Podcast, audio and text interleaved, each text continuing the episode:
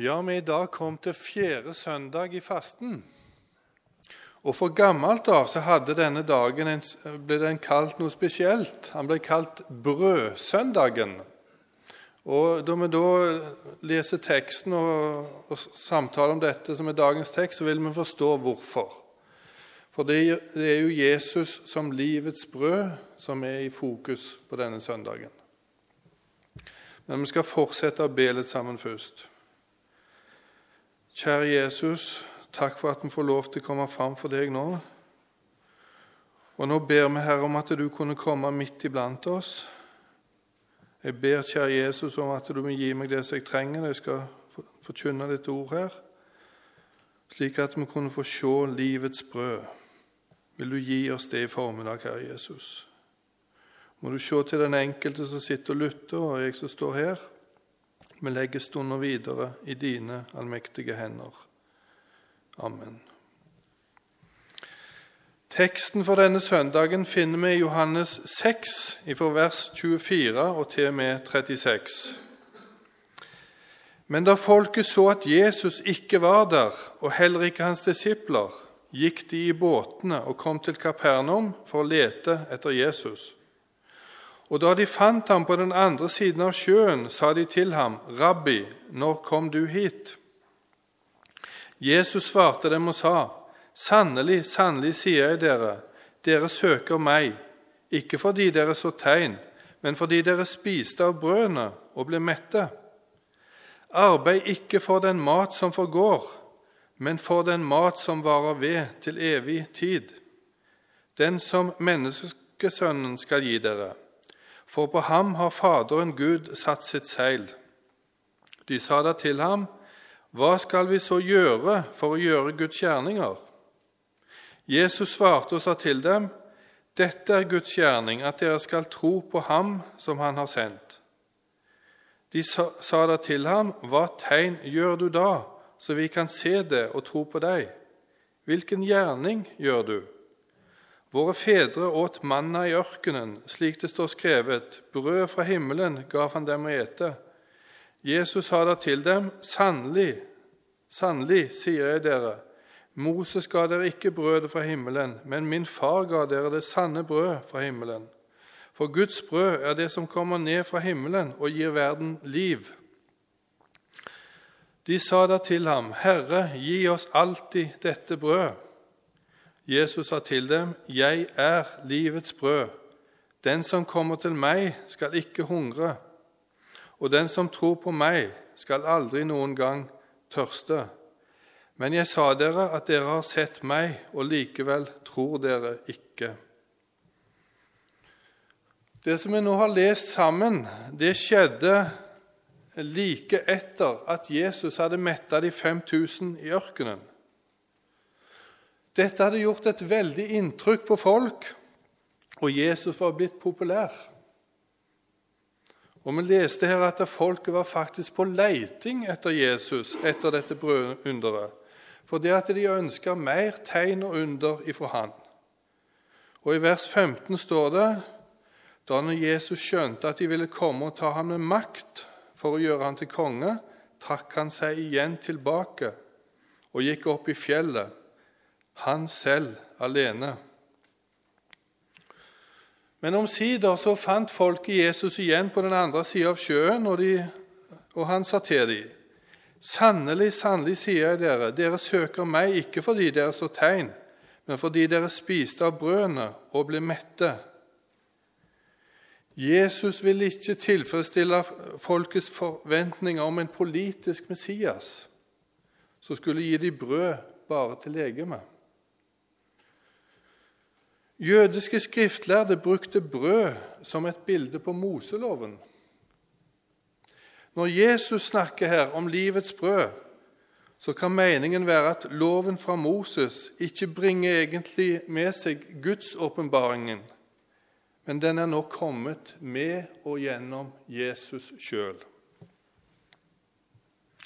Og så er det litt interessant å merke at da folket var veldig opptatt av dette store under som har skjedd med alle brødene og fiskene, så begynner Jesus å snakke om livets brød. Jeg syns det er så fin kommunikasjon av Jesus. Han bruker akkurat utgangspunkt, noe som folk er veldig opptatt av. De er opptatt av brød, og så begynner han å snakke om livets brød. Arbeid ikke for den mat som forgår, men for den mat som varer ved til evig liv, den som menneskesønnen skal gi dere, sto det i vers 27. Uttrykket 'arbeid ikke for den mat som forgår' det er på grunnspråket en, har en nektelsesform som egentlig betyr 'ikke først og fremst, men'. Det vil si at Jesus forbyr oss altså ikke å arbeide med det jordiske brødet, levebrødet vårt, men han befaler oss å gi jordes levebrød rang og betydning etter salighetsspørsmålet. Derfor gir Jesus her alle mennesker oppskriften på en rett prioritering. Han er ikke imot at mennesker skal arbeide for sitt daglige brød. Men det evige liv må være det første, og derfor står det òg 'søk først Guds rike og hans rettferdighet', så skal dere få alt dette andre i tillegg. Og den maten som gir evig liv, er det Jesus alene som kan gi et menneske. Det er ingen andre som kan stanse den higen i oss når det gjelder åndelig. Det er Jesus som er livets brød.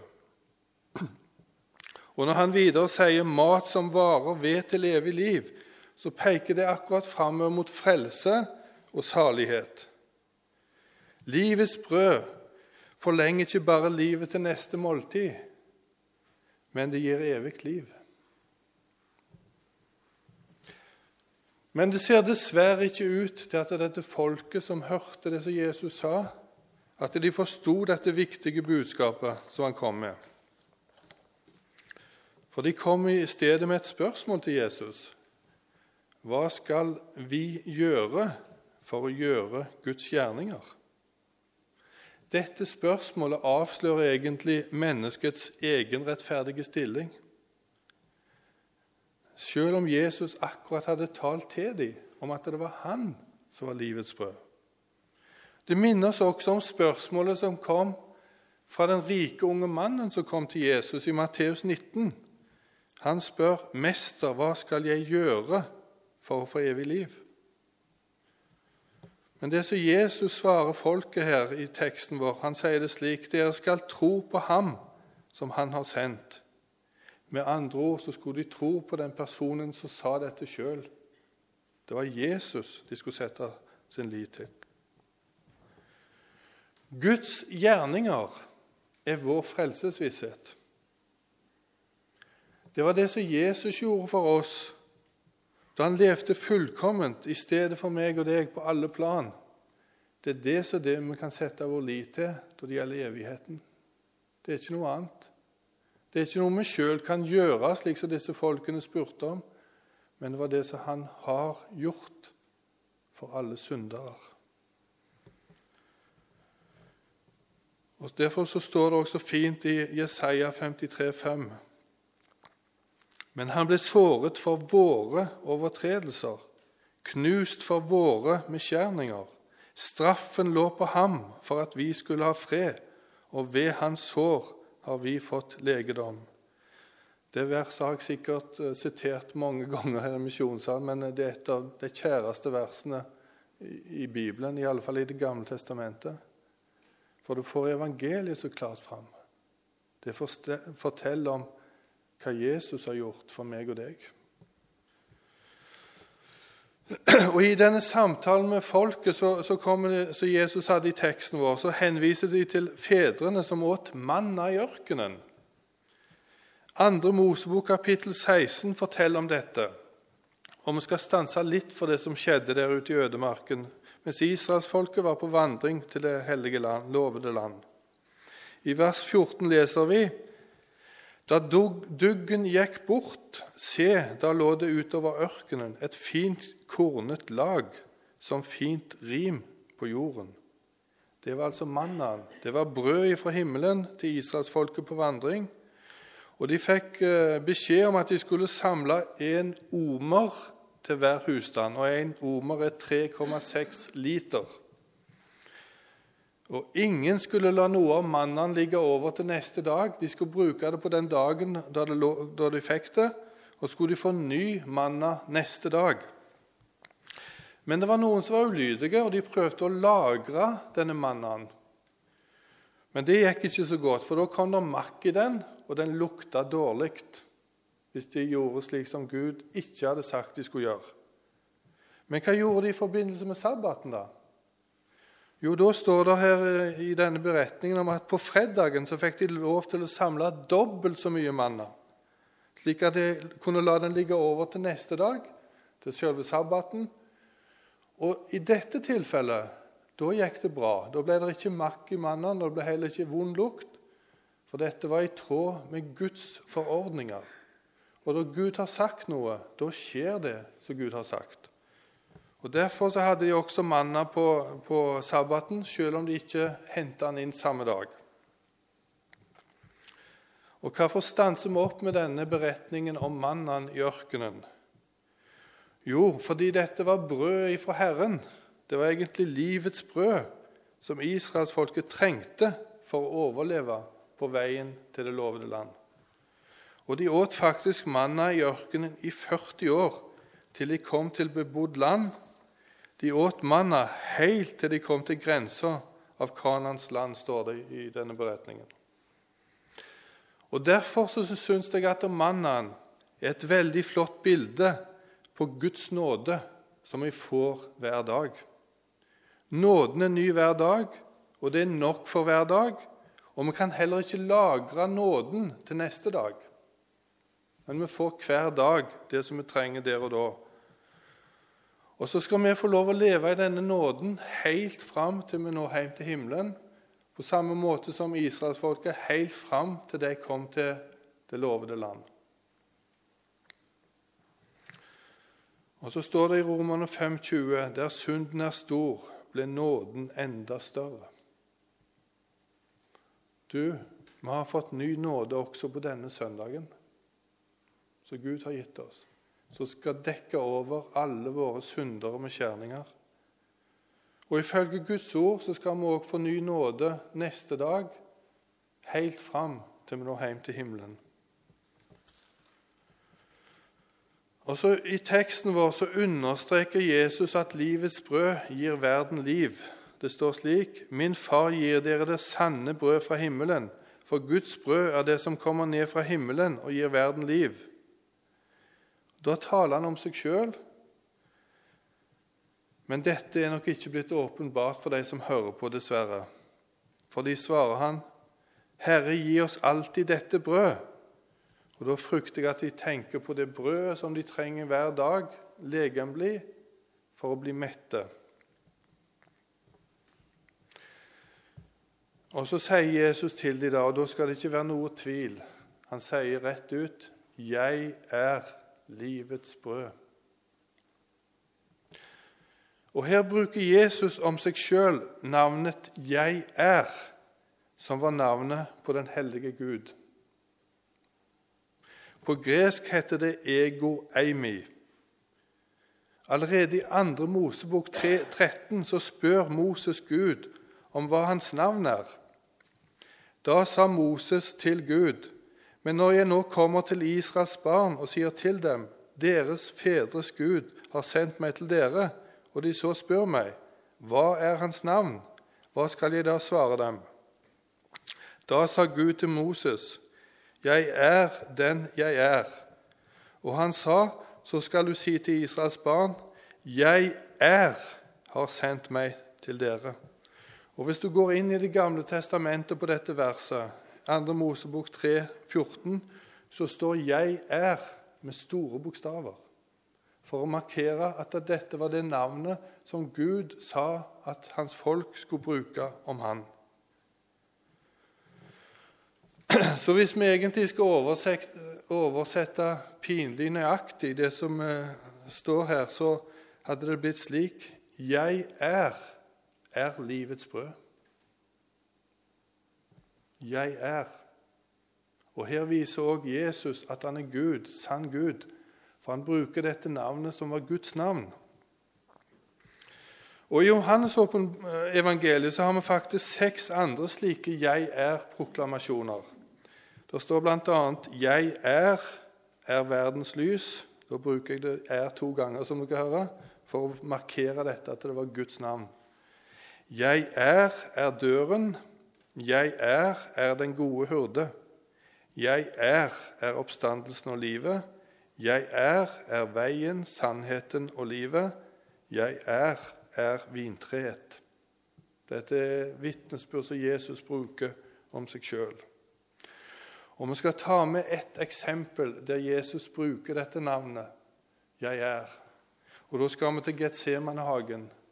I det øyeblikk da Judas og soldatene kommer og skal gripe Jesus og ta han til fange.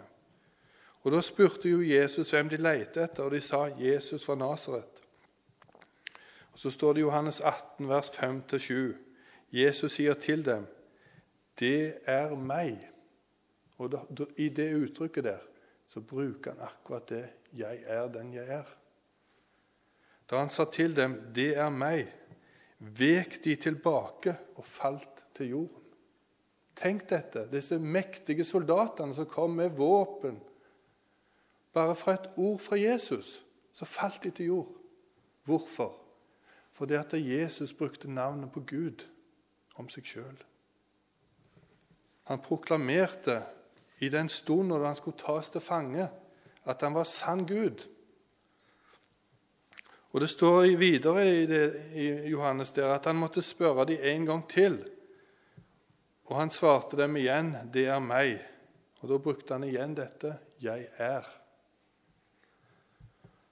Så er det en vidunderlig setning i kjølvannet av dette i det som skjedde i Getsemane. Det er det som Jesus sier etterpå. Er det da meg dere leter efter, så la disse gå. Ser du evangeliet der? Jesus sier det at hvis det er meg dere leter etter, og det var det, så skal disse andre få slippe fri. Det skal ta meg, og så skal disse få gå fri. For det at Jesus tok straffen for dem, for meg og deg, for disiplene, for alle mennesker. Det skjedde fordi han var sendt til verden for å være livets brød for oss. Og Så sier han videre i vers 35 i teksten vår.: Jeg er livets brød. Den som kommer til meg, skal ikke hungre, og den som tror på meg, skal aldri noen gang tørste. Har Jesus fått slukka den åndelige tørsten hos meg og deg? er det blitt slik for oss som sangeren synger det. Det skjønneste i verden som mine øyne så, er kongen i hans skjønnhet med tornekronen på. Er det slik for oss, kjære venner, at man får sett Jesus der med tornekronen gå i stedet for oss, for å sone for alle våre synder?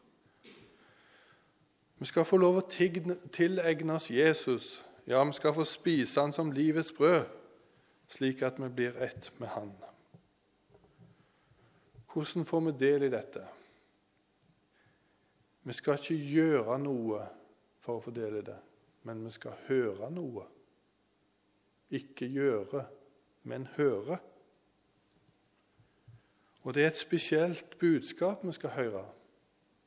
Og det er nettopp det at Jesus gikk i plassen for meg og deg og var villig til å være det sonoffer så Gud tok og dømte i stedet for meg og deg, for å få bort alle verdens hunder. Det var en gang en søndagsskolelærer som spurte barna framfor seg hvordan kommer Jesus inn i hjertet vårt. Da var det en liten pjokk som retta opp hånda, og så svarte han han kryper inn gjennom ørene. Jeg syns det var så godt sagt. Det er gjennom hørelsen kjære venner, at jeg og du blir frelst. Det er ikke noe vi kan gjøre sjøl, men vi skal få høre et budskap som allerede er ferdig gjort av Jesus. Det er fullbrakt, sa han på Golgata. Og da var det fullbrakt for oss. Da var alt gjort opp. Og vi skal få lov å ta imot dette som Jesus har gjort, og så skal vi få lov å takke for det.